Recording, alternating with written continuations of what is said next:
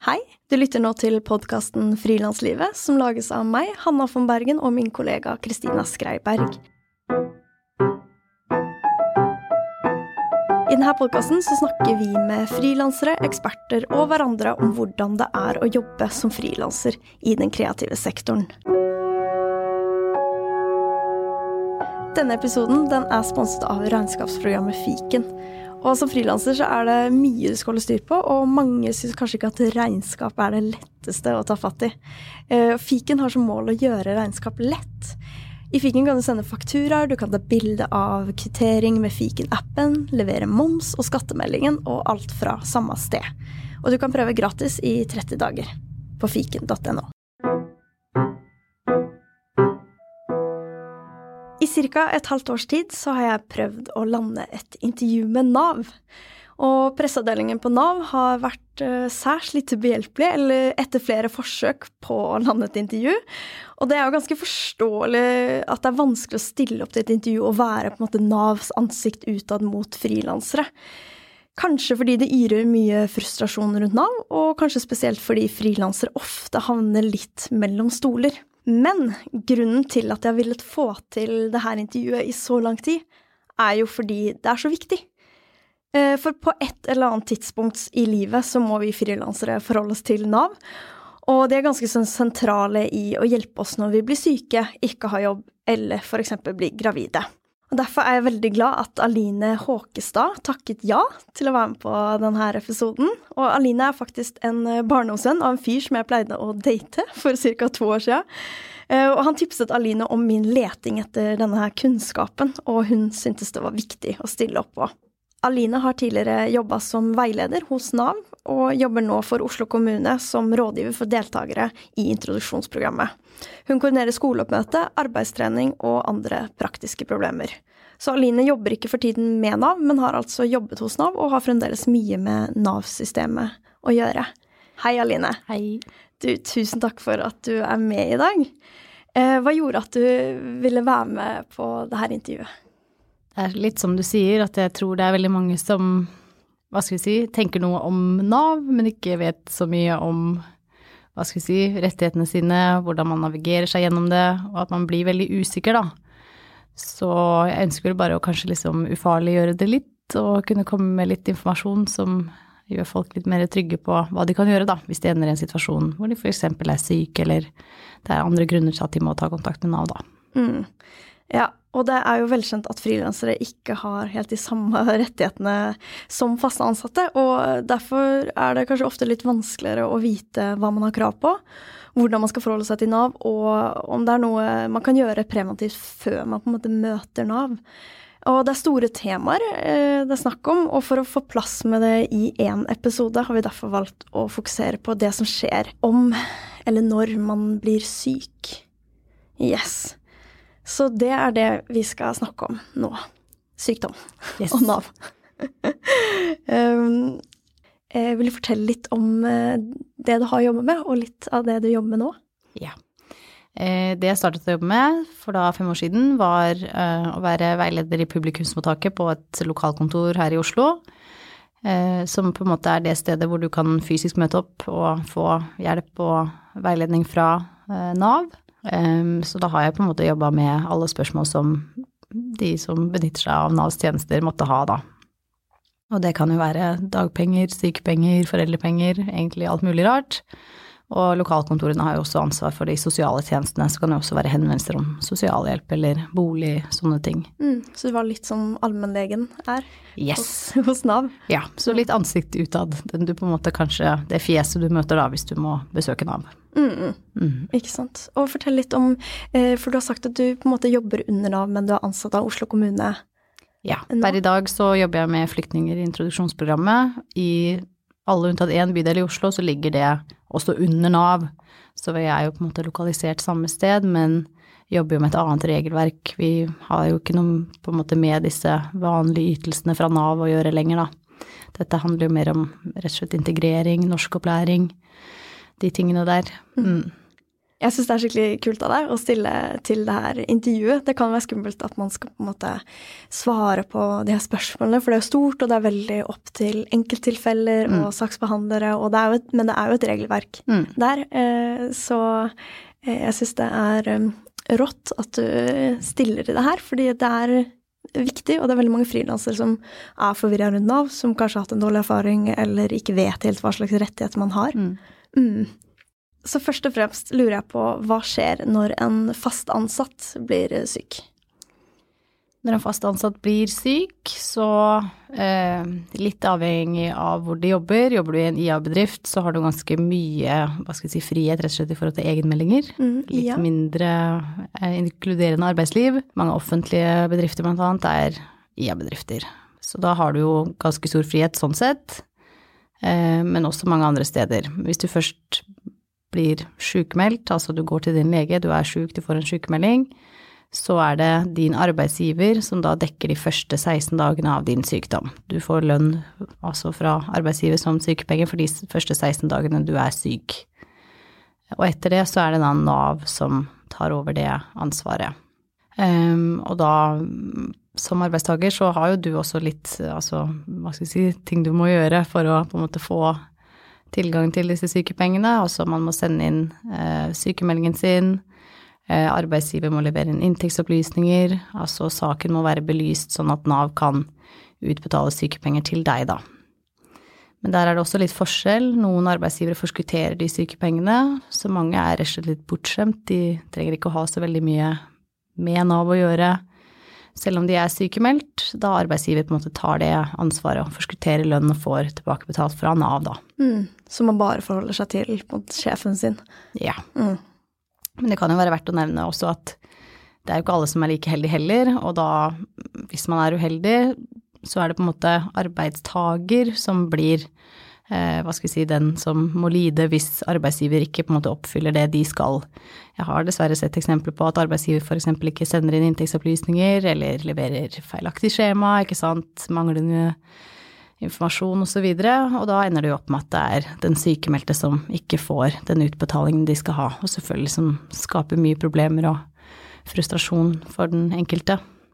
Og da fra den eh, 17. dagen når man får pengene fra Nav, da er det 100 av lønna. Så det blir på en måte ikke noe forskjell fra når du jobber til når du er sykemeldt i eh, nivået da, av lønn. Det stemmer. I Norge så er dekningen for arbeidstakere 100 ja. Mm. Hvordan skiller eh, dette seg fra når en frilanser blir syk? Hva er på en måte forskjellen når en fast ansatt blir syk og en eh, frilanser? Ja, altså på en måte så ligner det jo en del. Det er jo bare at i dette tilfellet så er det på en måte dere som også er arbeidsgiveren. Så de første 16 dagene blir på en måte litt eget ansvar. Ehm, for da har man ikke Altså man vil ikke få noe ehm, sykepenger fra første dag. Det gjelder også for eh, frilansere fra 17. dag. Men for dere også så er det 100% Men disse første 16 dagene så står man jo egentlig uten noen ting. Og det er vel det som også kan oppleves litt vanskelig når man er, er frilanser, da. Og vanligvis så har man jo egenmelding hvis man er fast ansatt mm. de første var det tre dagene. Og mm. hvis man er syk på en måte eller mer enn tre dager, så må man få inn en sykemelding. Og, og, det som er litt interessant her, er jo at også Nav skiller jo mellom det å være frilanser og det å være selvstendig næringsdrivende. Yes. Vil du fortelle litt hvordan Nav hva anser Eller hvordan, hva skal man si, definerer Nav de ulike to gruppene? Mm. Det er jo um, Altså hvordan de definerer forskjellen handler vel litt om på en måte inntektstypen. For selvstendig næringsdrivende så har man jo næringsinntekt, som da har betydning rett og slett i forhold til at da har man ikke krav på de samme ytelsene som eh, alle andre selvstendig næringsdrivende har ikke krav på dagpenger, f.eks. Eh, på grunn av at de da har næringsinntekt og ikke Fordi man si? fakturerer yes. eh, for pengene man får inn, mm. versus at noen betaler deg liksom ansatt lønn. Ja. Og det handler vel på en måte litt om altså mm, Som selvstendig næringsdrivende så har du jo også på en måte goder som ikke de uh, hva skal jeg si, vanlige arbeidstakerne har. Men det stiller jo også veldig mye større ansvar til deg om at da må jo på en måte du sjøl sørge for at du har hva skal vi si, eh, tatt inn nok da, til at du på en måte klarer å eh, rett og slett forsørge deg litt eh, selv i forhold til arbeidsledighet eller sykdom da, i starten. Um, men her har også Nav forsikringer som um, mm. både frilansere og selvstendig næringsdrivende kan uh, skaffe seg, da. Ja, det og det tenkte jeg vi skulle ja. dykke litt inn i etterpå. Mm. Og fortelle hva, hva, de ulike forsikringene er, og mm. hvordan de fungerer. Og da er jo Nav ser da på en frilanser som en som får ansattlønn, men som jobber f.eks. på prosjekt, eh, prosjekter og ikke har liksom én arbeidsgiver. Mm. Eh, så en frilanser får da eh, samme rettighet som en fast ansatt et, mm. da fra den 17. dagen. Hvis ja. du har sykemelding, mm. så får man 100 Ja, det gjør man. Mm. Og da er jo altså de er jo sånn sett er på en måte frilansere bedre stilt, da selvstendig næringsdrivende får jo bare 65% De får ikke den fulle 100 Jeg har lest at det er 75% 75 nå. Sorry, da sier jeg eh, feil. Men jeg vet men det at tror jeg er en endring fra første i første. Ja. Det har vært 65 før, mm. men det er jo positivt eh, at hva skal man si, 25 mm. er fortsatt veldig mye. Ja. Eh, men det er jo bedre enn 35% mindre. Absolutt. Så ja. det er jo, hva skal man si, hvis man ser litt positivt på det, mm. så er det bedre enn det det var. Ja. Og for å snakke litt om hva forskjellen mellom frilansere og selvstendig næringsdrivende. Og så har vi jo eh, gjort det. Jeg tenkte også jeg skulle lese opp eh, hvordan det er definert. Mm. Um, og da står det at eh, med frilanser menes i denne loven enhver som utfører arbeid eller oppdrag utenfor tjeneste for lønn eller annen godtgjørelse, men uten å være selvstendig næringsdrivende. Mm. Også på selvstendig næringsdrivende så står det definert i folketrygdloven, eh, paragraf 1-10, som med selvstendig næringsdrivende menes i denne loven enhver som for egen regning og risiko driver en vedvarende virksomhet som er egnet til å gi nettoinntekt. Mm. Veldig, veldig formelt. Absolutt veldig formelt. Um, og det der vet jeg litt forskjellig fra bransje til bransje. Mm. Uh, hvordan man liksom ser på de ordene. Mm. Hva, hvis man tenker da de 75% da, som man får som selvstendig næringsdrivende mm. Eh, da fra dag 17, hva er måte, hva er sykepengegrunnlaget? Er det Da er det pensjonspoeng fra de siste tre år som på en måte er hovedregelen. Eh, men så er jo altså, og det her er jo sånn gjennomgangstema, er at hvis det avviker veldig eller hvis du kanskje bare Det gjelder bare det siste året. Så handler det om at du må kunne dokumentere så godt det lar seg gjøre, på en måte hva som har vært eh, inntektsgrunnlaget ditt før det her skjedde, da. Um, så der er jo mitt råd at liksom jo bedre du kan dokumentere hva som var situasjonen i forkant av sykdommen, jo bedre er det. Og bruk gjerne, ikke sant, skriv gjerne ned forklaringer, uh, ja, legg ved det du har. Um, for det blir jo selvfølgelig litt viktig, og jeg tror det er jo her mye av kanskje litt sånn misforståelser oppstår, da. Mm. Og da er det For det er ikke nok med bare fakturaene man har sendt? Eller er det litt sånn, hvis det har endra seg veldig, å kunne da bevise at eh, Nei, men nå tjener jeg mye bedre, og det kommer jeg til å fortsette, eller hadde mm. fortsatt gjort hvis ikke jeg hadde blitt syk. Mm. Um, eller hvis jeg har hatt et dårlig år nå, og det gikk kjempebra de to, første, to mm. forrige årene, og snakke mm. om hvorfor. Eh, hvorfor hadde det ikke fortsatt sånn, for mm. eksempel? Mm. Ja. Mm. Nei, igjen så blir det jo litt at der og ligger det jo på en sjøl, at det er så mye man kan, så godt man kan dokumentere, hva skal vi si, uh, situasjonen som man er i, og om det på en måte er en liten uh, Man har en liten nedtur i en periode, hvis man da kan vise til at det har vært stabilt over en lengre tid, eller vise til altså, at man har hatt en kontrakt som man har venta på, sånne ting. Altså, mm. det er viktig at man i hvert fall viser det så godt man kan. Mm. Er det liksom utskrift av mail med potensielle arbeidsgivere eller, mm. eller oppdrags... Hva skal vi si kunder, da. Ja. Eh, og ja, for det er jo ofte det går veldig opp og ned, og det er jo mm. det her som er veldig vanskelig. Eh, fordi eh, sånn som jeg har hatt det i starten av året, kunne vært liksom å få en 80 000 en måned, og så var det 5000 mm. neste måned. Mm. Uh, og at det der varierer veldig, veldig mye. Mm. Um, så Og der kommer det jo inn et litt sånn essensielt problem, som er at hvis man har holdt på i ti år, så er det mye lettere å si, om, mm. si noe om stabilitetsnivået. Mm. Men hvis man er nyutdanna og f.eks. frilanser i to-tre år, så er det en veldig stor forskjell gjerne på første året til andre året, andre året mm. til tredje året. Mm. Og det tror jeg mange er nysgjerrige på. Er liksom hvor mye må da forandre seg for at det skal være grunnlag for bedre grunnlag å regne ut fra? Der står det rett og slett ikke noe konkret, hva skal vi si, tallfesta sånne ting i lovverket. Mm. Også i kontakt med Nav så sier de jo at det er eh, vurderinger man tar ut ifra dokumentasjonen man får, rett og slett. Så igjen så er det veldig lurt da at så godt man kan dokumentere det, altså det vil være det beste man kan gjøre, da. Um, og da altså bruker de jo skjønnet sitt i på en måte så, så, positivt de kan, da, hvis man kan si det på den måten. At eh, da stoler man jo på at eh, den man er i kontakt med, har på en måte gitt en riktig beskrivelse av situasjonen. Um, så der også må man jo liksom tenke at det, det fins jo på en måte litt godvilje der, da, men at man må dokumentere det godt. Man må være tydelig på hva som er og har vært situasjonen, da. Ja, for det holder ikke å bare si at nei, jeg føler at det kommer til å gå mye bedre nå, mm. eller hadde gjort det hvis jeg ikke hadde blitt syk. Mm. Så er, jo, det er jo litt det her med bevismateriale. Ja. Og, sånn, og, det forstår jeg jo også hvis man skal være Nav og mm. eh, behandle eh, og være veileder, at det er vanskelig å mm. vite helt hvordan det er. Eh, vi spurte på Facebook eh, om folk hadde spørsmål og mm. kommentarer til det her. Og da var det ett sitat som eh, sto ut litt, og det var at noen sa at jeg føler at man må være uh, frisk for å være syk. Uh, litt fordi det mm. krever så mye, da. Ja.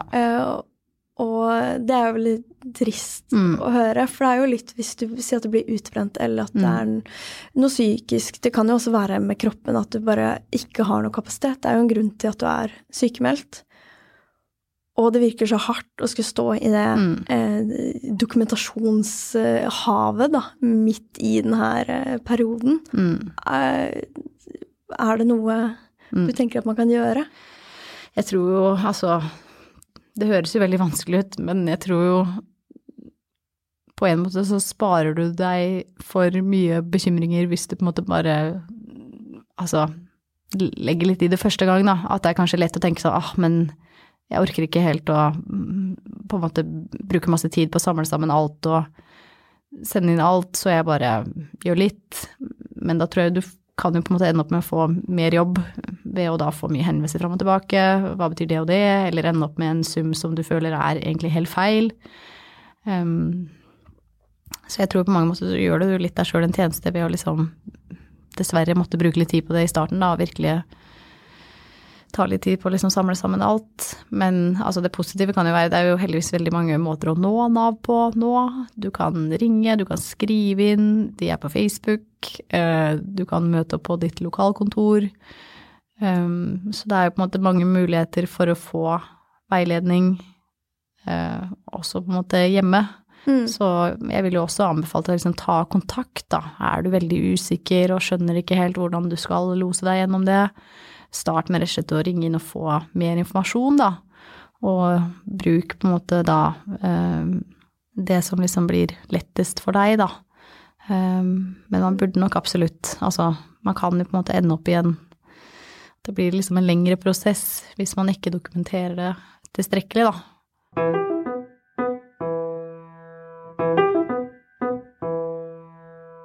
Eh, når må man liksom eh, Si at jeg blir syk da, som frilanser, eller selvstendig næringsdrivende for den saks skyld. Eh, og så kanskje jeg tenker at ja, men det her går over etter noen dager, og så har det gått tre, fire, fem mm. dager, og så innser jeg at nei, det gjør det ikke. Mm. hva skjer om jeg får på en måte sykemelding på sjette dagen? Må jeg vente 16 dager etter det, eller er det liksom fra den dagen jeg ble syk? Nå har jo frilansere og selvstendig næringsdrivende på en måte uh, en anledning til å hva skal vi si, sykemelde seg selv uh, litt sånn inntil videre. Uh, så dersom man kan på en måte, hvis man selv altså erklærer at jeg ble syk den og den dagen, så skal man ikke ha noe liksom ekstra ventetid utover det.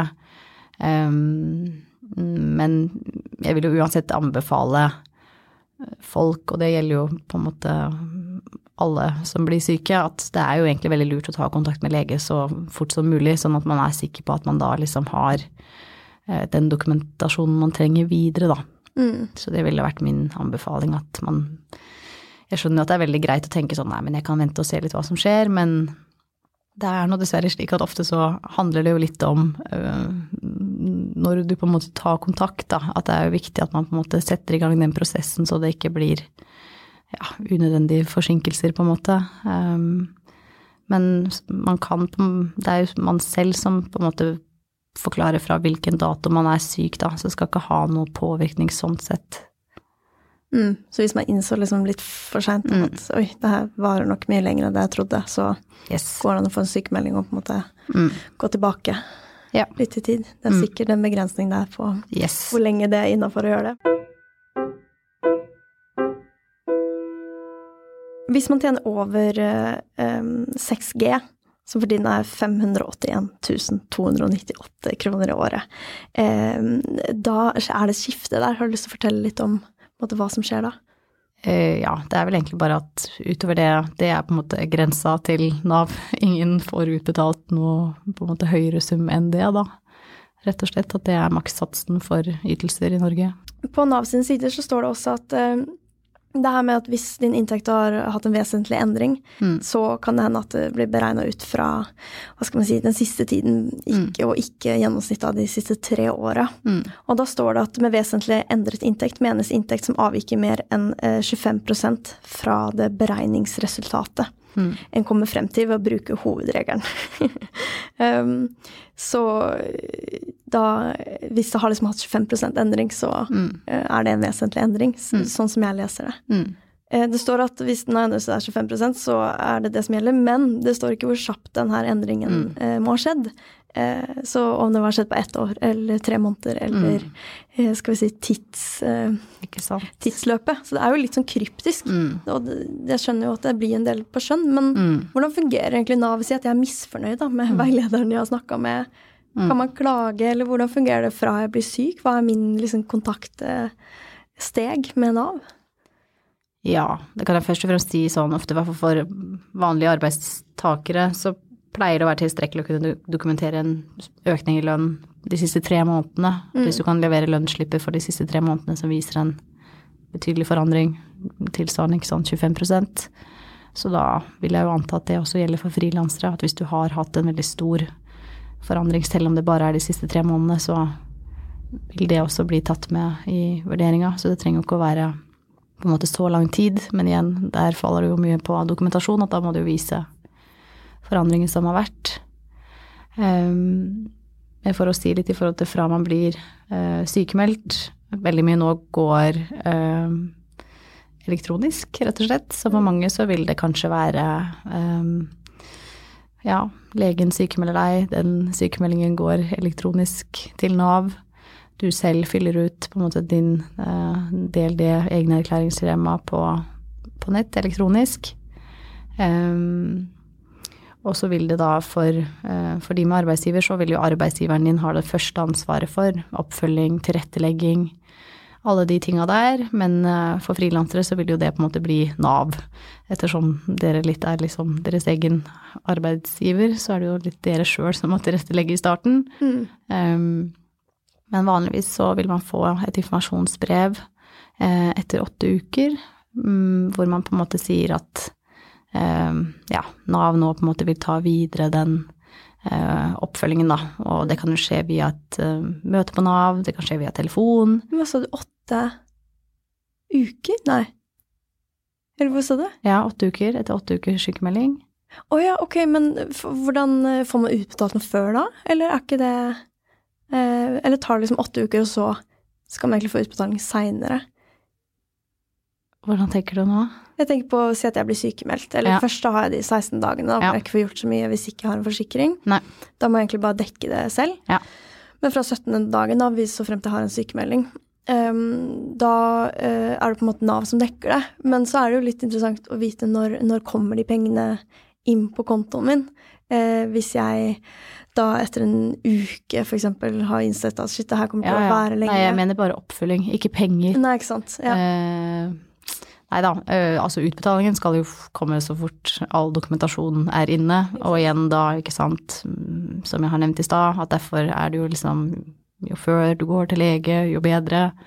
Jo mer utfyllende dokumentasjon du kan sende inn med en gang, jo bedre. Mm. For desto kortere vil jo på en måte den behandlingstida bli, da, før du får utbetalt sykepenger. Ja, ikke sant. Men det, har man noe cirka på hvor, liksom, hvor lang den behandlingstiden er, eller er det veldig sånn fra tilfelle til tilfelle? Det varierer. Altså, mm. det her er jo selvfølgelig et felt eh, som blir veldig prioritert, siden man forstår jo at eh, sykepenger er veldig viktig for eh, at folk skal kunne ha det greit, ja, så klart.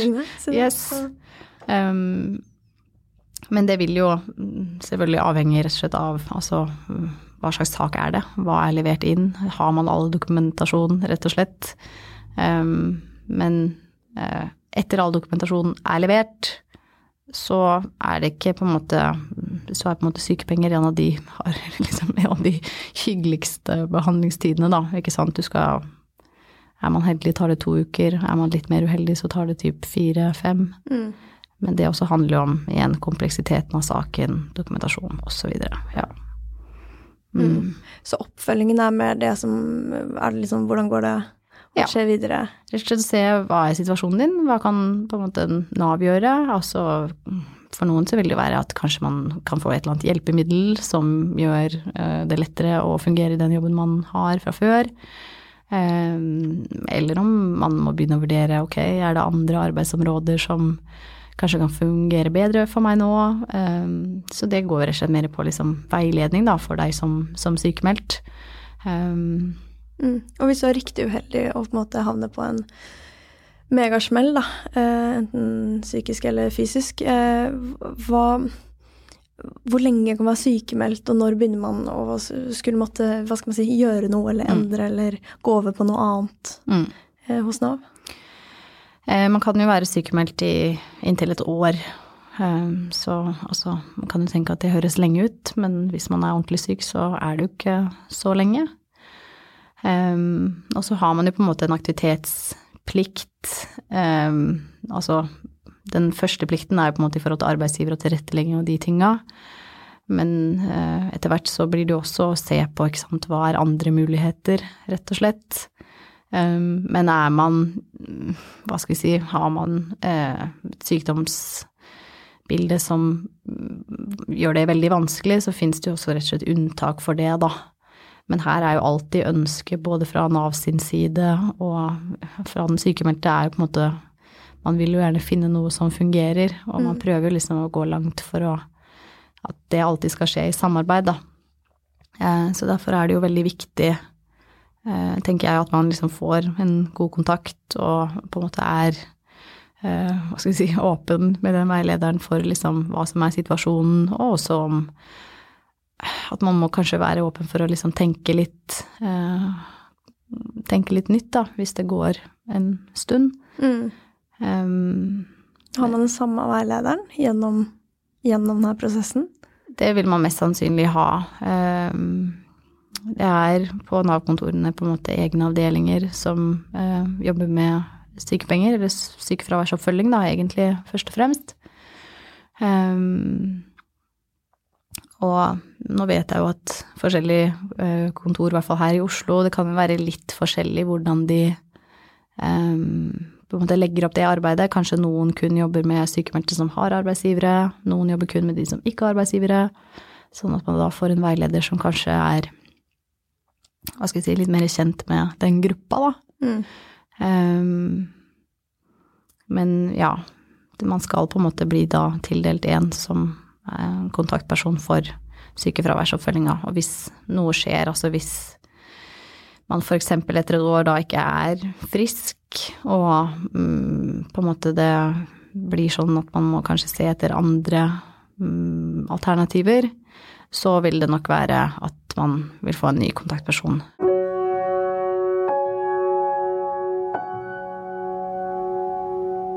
Denne episoden den er sponset av kontorfellesskapet Arctic Coworking Lodge, som holder til i Lofoten. Her møtes frilansere fra hele verden for å bo, jobbe og utforske Norges råeste natur. Du finner gode senger, lynkjapt internett og et inkluderende sosialt arbeidsmiljø. Er du interessert i å være en digital nomade? Bruk koden 2019 og få hele 20% på din neste booking på arcticcoworking.com.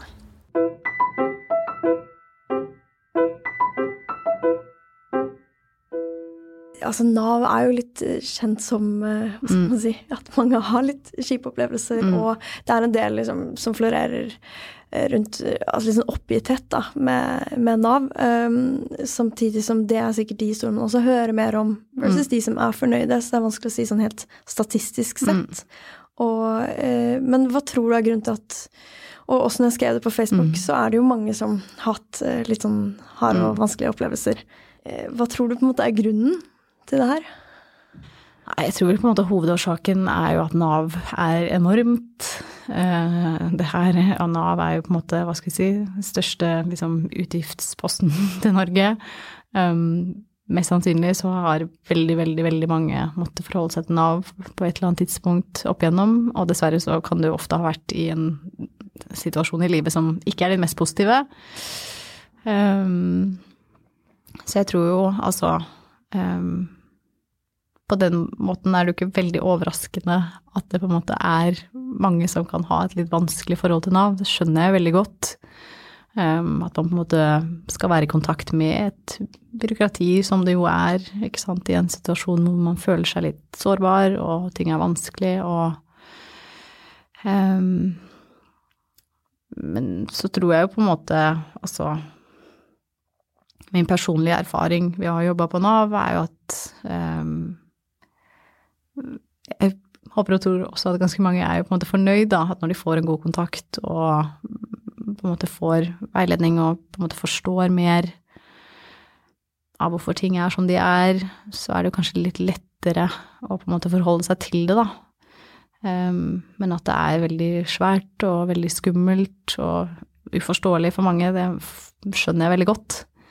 Og jeg også har jo, alle kjenner jo noen som har hatt liksom en ja, hva skal vi si, en kontakt med Nav som ikke har vært så positiv, og at igjen da, siden det er såpass liksom, sårbare situasjoner det er snakk om, så får det ganske store konsekvenser. At da sitter du plutselig i en livssituasjon hvor ting er tøft fra før, og så føler du ikke helt at du blir sett, eller får på en måte den hjelpa du gjerne skulle ønske at du fikk, da. Og det tror jeg jo noe Nav også må fortsette å jobbe masse med. Det er veldig viktig at som en sånn kjempeenorm organisasjon. At vi liksom bruker mye um, tid og innsats på å liksom se de vi skal veilede, da. Og at informasjonen er tilgjengelig, at den er tydelig, at den er riktig oppdatert. Sånne ting er jo en veldig stor og viktig jobb, da. Mm. Og det vet jeg jo at Nav tar alvorlig, men igjen med den størrelsen og på en måte det antallet som på en måte Nav skal eh, hva skal vi si, serve, da, så er det jo en ganske eh, stor jobb. Og det virker jo megakrevende. Og det er jo, Nav er jo et helt fantastisk eh, hva skal vi si, organ. Mm. og hvis man sammenligner med mange andre land, eh, og, og tenker hvilke rettigheter man har i Norge Mm. Så det er jo sånn sett eh, morsomt. Jeg husker jeg var på et foredrag hvor de sa at eh, på en måte skatteetaten har, har ofte mer positive måte, kunder enn noen Mm. gang Nav har, da, som virkelig er litt sånn ironisk med tanke på at den ene gir penger og den andre på en måte tar penger. Yes. Um, men som du sier, så er Mm. man jo ekstremt sårbar, og det er et vanskelig system å navigere seg i. Mm. Um, og jeg har hørt veldig mange positive og veldig mange negative historier, så det er jo Mm. på begge sider der. Mm. Um, og um, så, men når det gjelder spesifikt frilansere og da selvstendig næringsdrivende, hvis vi tenker på de, Mm. um, hva tenker du at Nav har som forbedringspotensial? Jeg tror absolutt de burde mm, Hva skal vi si eh, Lage egne informasjonskanaler for den gruppa. At de kunne vært veldig tjent med det. Um, og det virker som det er på en måte litt den retninga det går, da, men så tror jeg kanskje det går litt treigt. At på nettsidene eksempel så skal det jo i mer og mer, i større og større grad på en måte være egne informasjonssider som på en måte er litt uh, Som speiler situasjonen din, da. At du kan på en måte trykke på 'jeg er ungdom', eller 'jeg er arbeidsledig', eller 'jeg har en helseutfordring'. Og at du liksom skal bli liksom losa litt mer naturlig gjennom de sidene. Um, og jeg tror da og igjen Nav kunne gjort seg en stor tjeneste og på en måte hatt mye mer liksom konkret samla informasjon for den gruppa. Mm. Så det var litt lettere rett og slett å navigere, da. For det ser jeg jo at mange syns er vanskelig, og det er jo ekstra uheldig, for Nav ville jo også spart seg for litt jobb hvis folk syntes det var lett å finne fram og på en måte følte de fant den informasjonen de trengte, da. Mm. Um, så det ser jeg absolutt et behov for. Um, men det her er jo ting vi på en måte spiller inn, og jeg vet jo liksom det her er jo en av de tinga som liksom står veldig høyt på, på agendaen, da. Å gjøre det lettere å ikke, bruke Nav, og helst bruke det på nett, ikke sant. Og liksom klare å, å ja, rett og slett finne litt fram, altså være litt selvstendig, da. Mm. For det, igjen, eh, jo lettere tilgjengelig informasjonen er, og jo mer forståelig den er, jo mer arbeid sparer man jo for de som f.eks. jobber i publikumsmottak rundt omkring, eller de som liksom betjener telefonlinjene osv. At hvis informasjonen er klar og tydelig og kjempefin på nettet, så ville man jo ikke hatt den store etterspørselen gjennom de andre kanalene. Så Og kanskje også vite, um, ja, som frilanser og selvstendig næringsdrivende, eller som en miks. mm. Og på en måte også få informasjon om hvilken dokumentasjon skal du ha. Fordi som ansatt så kan du levere din lønnsslipp, og det er jo veldig eh, straightforward på, eh, på den fronten. Eh, men så er det jo interessant å vite ja, men ok, hva slags type dokumentasjon Mm. skal jeg spare på, eller hva er viktig å egentlig få en før det skjer noe, eller hva, hvilken liksom, pakke av papirer Mm. skal man gi videre. Mm. Eh, så jeg eh, oppfordrer Nav til å eh, snakke med frilansere, eh, og da selvstendig næringsdrivende, om på en måte, hva funker, hva funker ikke, og, og hva slags type spørsmål da. og informasjon kan man eh, liksom åpne opp denne kommunikasjonskanalen. Mm. Mm. Eh, Så det var jo også grunnen til at vi har invitert Nav, og på en måte har deg her. Mm. Eh, Og du blir jo på en måte representativ selv om du ikke jobber spesifikt Mm. med det her. Men det er så viktig informasjon, da, og jeg syns at eh, det Ja, det fortjener å på en måte nå Nav, og det fortjener å nå, nå eh, frilansere. Mm. Mm.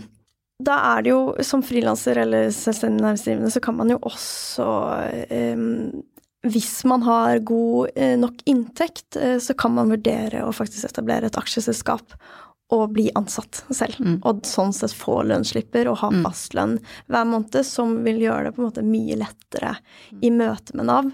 Eh, men det fordrer jo at du har en ganske god inntekt for å avse arbeideravgift som er på 14,1 til eh, å gi deg selv lønn, da, sånn sett. Så det er noen ting man kan gjøre der.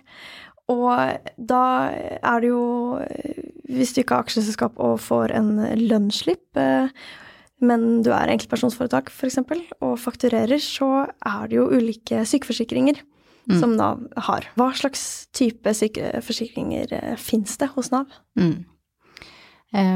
Den mest vanlige handler vel om altså denne forsikringen som da dekker de første 16 dagene, sånn at man på en måte ikke står uh, uten inntekt for de første 16 dagene ved, ved sykdom, da. Um, så jeg tror det er på en måte den absolutt mest vanlige forsikringen som Nav uh, har. Og de her heller har jeg ikke i hodet, men det er vel også noe sånn at du kan forsikre deg liksom opp mot altså inntektsgrunnlaget for selvstendig næringsdrivende. Her har jeg, jeg har vært litt sånn eh, nerd på forhånd og leste Streifa hardt innom eh, Nav sine sider. Ja.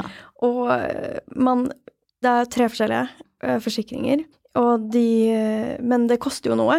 og det er Du har en som er 100% sykepengedekning fra 17. sykedag. ja. Så istedenfor 75% så hadde du fått 100 da, fra 17. dag. Og det er, eh, koster da 1,9% av forventet årsinntekt. Mm. Eh, og så har du en til som er at du får 75% men fra første dagen Mm. Ja. eh, istedenfor istedenfor 17. dagen. Og det koster deg 2,1% av forventet årsinntekt. Og så er det den siste som er på en måte den aller beste, som er, eh, men også den aller dyreste, som da er 100% sykepengedekning fra første dag. Og da får du på en måte 100% også etter 17 dag. Så det blir som en ansatt, da, kan man si. Men det koster deg 9,3% av forventet årsinntekt. Så det eh, gjør jo at eh, du trenger ganske god lønn for å kunne sette av det eh, beløpet, da, eller de prosentene. Eh, Mm. Og jeg tok et litt sånn eksempel. Fordi hvis jeg tjener 400 000 kroner i året, eh, da etter på en måte utgiftene er eh, Utgiftene på firmaet eh, er tatt fra, altså de skattepliktige og pensjonsgivende inntektsgrunnlaget, da, eh, og velger den her 75% fra første sykedag, som da er 2,1% så er det 8400 kroner i året. Og hvis jeg velger den som er 1,9% fra 17. dag, at jeg får 100% så er det 7600 kroner. Og den siste blir 36 400 kroner eh, per år, som er 100% fra første dag. Så da er det jo på en måte Man har jo litt å velge mellom der, Mm. og de fleste vil jo si seg enig i at det er veldig smart Mm. eh, å ha eh, en sykeforsikring. Mm. Men det er veldig få som har det. Mm. Eh, det er jo litt sånn Det er ikke sikkert at du har svaret, men hva tror du grunnen er til at så få har det? Eh, Det er synd å si det, men jeg tror egentlig det her handler om at folk er litt optimistiske. De tenker sånn ja, men det går jo bra, jeg blir jo ikke syk. Hvorfor skal jeg gidde å betale 8000 kroner for noe som kanskje ikke skjer, da? Og det her gjelder jo alle nordmenn, holdt jeg på å si, at vi vil jo nødig på en måte forsikre oss. Jeg tror ikke vi er så egentlig veldig flinke til det sånn ellers heller, da. At det virker veldig lite fristende å skulle betale for noe man håper og tror ikke skal skje, da. Mm. Um, men hvis man tenker seg godt om, så er jo egentlig 8000 kroner veldig lite å betale for at man da rett og slett kan få lønn, hva skal jeg si, ved sykdom, eh, eller at man da kan få dekt et inntektstap som altså mest sannsynlig vil tilsvare mer, altså det vil jo utgjøre ganske mye mer enn det du putter inn, da. Ja, det er jo det. Man kan prøve å regne, regne på det. Det blir sikkert eh, på en måte litt depressivt regnestykke, men Mm. samtidig vil det jo vise seg at det Mm. virkelig lønner seg hvis det skulle skje noe. Og jeg tror mange, jeg tror mange ikke vet om det, og jeg tror Mm. mange kanskje bare tenker at man har eh, kanskje god, gode betingelser, Mm. eh, og ikke er klar over at det er 75 Mm. av Mm. inntekten. Man tenker kanskje det er 100 så er det sikkert en del som blir sjokka over at Mm. ok, hva skjedde med de 25 Det er ganske mye Mm. lønn hvis eh, 9,6% Nei, 9,3 er da 36 400 kroner av årsinntekt. Mm. Så er 25 eh, ja, over det dobbelte. Mm. Eh, så det blir ganske mye penger som forsvinner på et år Ja. hvis du skulle bli syk. Mm. Og mm, det her eh, er jo igjen sånn at eh, hvis man har god nok inntekt, Mm. så er det jo virkelig noe som det er lurt å gjøre. Og så blir det veldig vanskelig hvis man har eh, veldig lav inntekt. Og det er jo mange i kultursektoren som er selvstendig næringsdrivende, som eh, dessverre tjener Mm. eh, lite. Og da blir det jo vanskelig hvis du ikke tenker at du kan betale Mm. din fagorganisasjon eh, 500 kroner eller 1000 Mm. kroner i måneden. Da er det jo også vanskelig å tenke på pensjon, tenke på feriepenger, tenke Mm. på sykeforsikring. Jeg tror bare det blir så mye, da. Mm. At man tenker sånn Ja, men det er så mye jeg burde gjøre. Hva Mm. er viktigst? Hva skal jeg prioritere? For plutselig så er det oppe i 25-30 Mm. som man helst burde ha på en måte satt Mm. av, da. Til Mm. ulike smarte, langsiktige ting. Um, så der er det vel uh, Det her er jo sikkert ikke noe du vet svaret på, men jeg er veldig sånn stusser over at det er 75 vet, Hvorfor Mm. Hvorfor er det ikke 100 Ja, jeg har liksom tenkt at det er fordi de altså mm, Man slipper på en måte litt unna noen skatter og avgifter som de næringsdrivende. At det her er jo litt Hva skal vi si Hva man gir i forhold til det man får, da.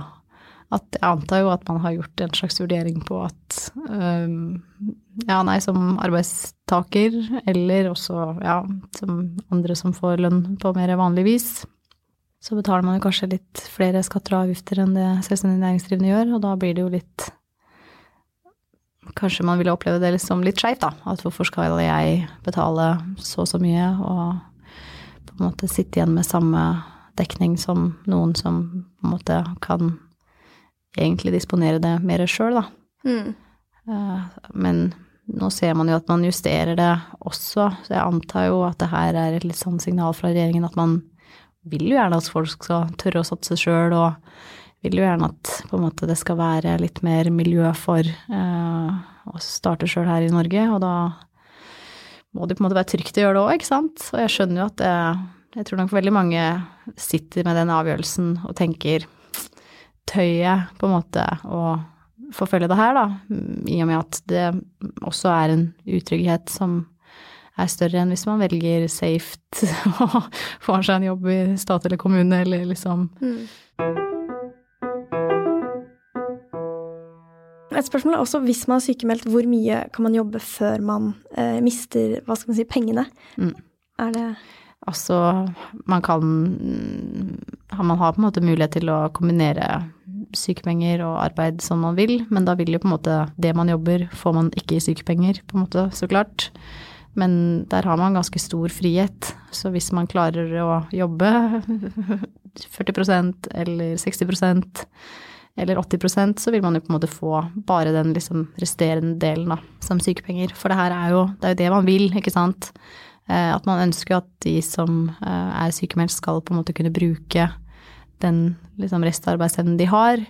Men så er det jo også sånn at du kan jo på en måte ikke jobbe 80% og få 80 sykepenger. Wow. Det her skal jo på en måte være, ja. Um, men det er absolutt mulig, og der er det også lurt, ikke sant. Snakk med legen din, snakk med Nav. Kanskje du kan ha en gradert sykemelding, kanskje du kan ha litt mer åpen sykemelding.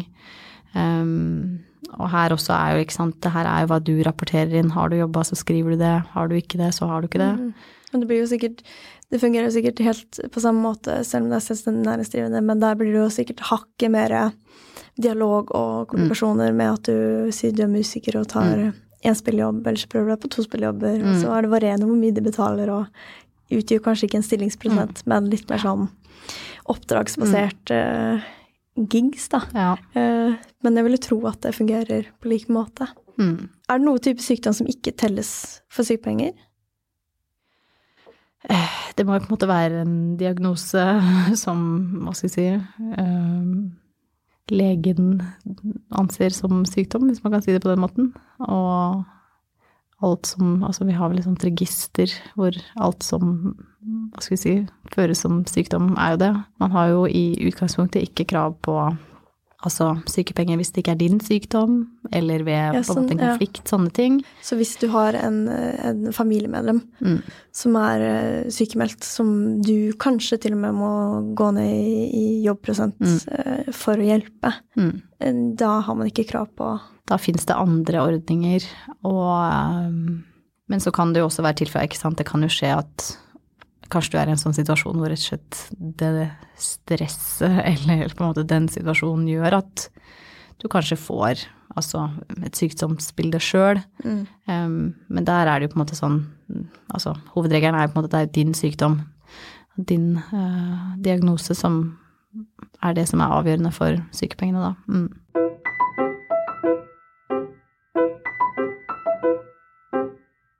Når vi snakker om forsikring, så har jeg lest en rapport eh, som heter Selvstendig næringsdrivende i Norge, som er fra 2016. Og da skriver de at um, ettersom selvstendig næringsdrivende ikke betaler arbeideravgift, så er de heller ikke inkludert i folketrygdens forsikrings- og ordninger for inntektsbortfall ved sykdom, svangerskap og lignende. Til sammen er kun 11% av de selvstendig næringsdrivende dekket av tilleggsforsikringen som tilbys fra det offentlige. Mm. Eh, så det ser ut som selvstendig næringsdrivende i liten grad velger å ta høyde for den eh, større inntektsusikkerheten de står overfor i form av forsikringer. Veldig sånn rapportspråk. Men mm. det er jo det er ganske interessant, syns jeg, at den rapporten mm. viser at 11 Det er veldig lite som har valgt å ha mm uh, ha en sånn her forsikring. Mm. Uh, og det uh, Ja, så snakker vi litt om grunnene. Mm. Jeg bare syns det var interessant å ta det med. Mm.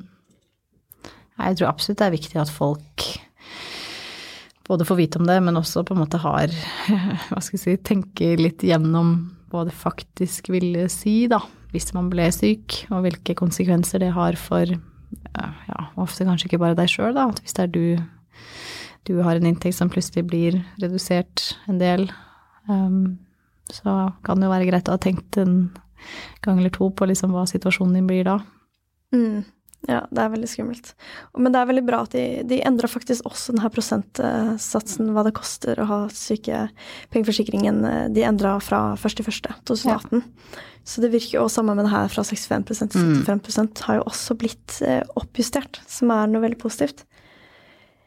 Jeg eh, vil bare si tusen takk, Aline. Eh, jeg syns det er sporty av deg å stille, og jeg syns det var veldig fint å få litt eh, eh, litt sånn eh, bilde av hva man kan forvente, og liksom hva regelverket er. Og så er det jo eh, litt opp til på en måte veilederen og denne dialogen og hvilken dokumentasjon Mm. og hvor tydelig bildet er, da. Mm. Eh, så det og de tingene er jo veldig vanskelig å svare på, Mm. fordi det er veldig sånn fra case to case. Mm. Um, men uh, tusen takk for at du stilte. Bare hyggelig. Lykke til til alle. Ja, eh, det, det sier vi. Lykke til til alle. Takk for nå.